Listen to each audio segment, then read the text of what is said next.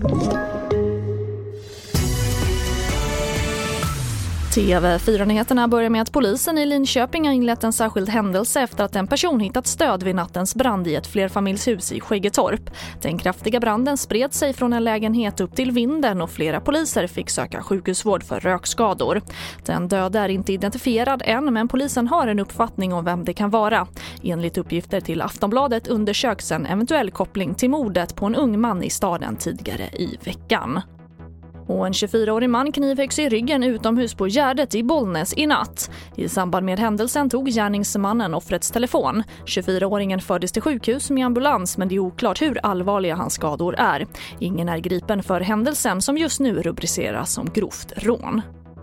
Och så avslutar vi i Rotterdam där det blev Italien och bandet Måneskin som i natt rockade hem segern i Eurovision Song Contest. Svenska Tusse fick nöja sig med en 14 plats men var ändå nöjd över sin insats. Mm. Ah, Topp 10 hade varit så jävla skönt eh, faktiskt.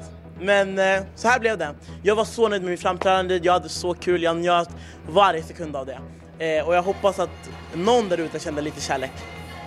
Ja, men det tror jag verkligen många gjorde. Och Tusse får avsluta TV4-nyheterna. Jag heter Charlotte Hemgren.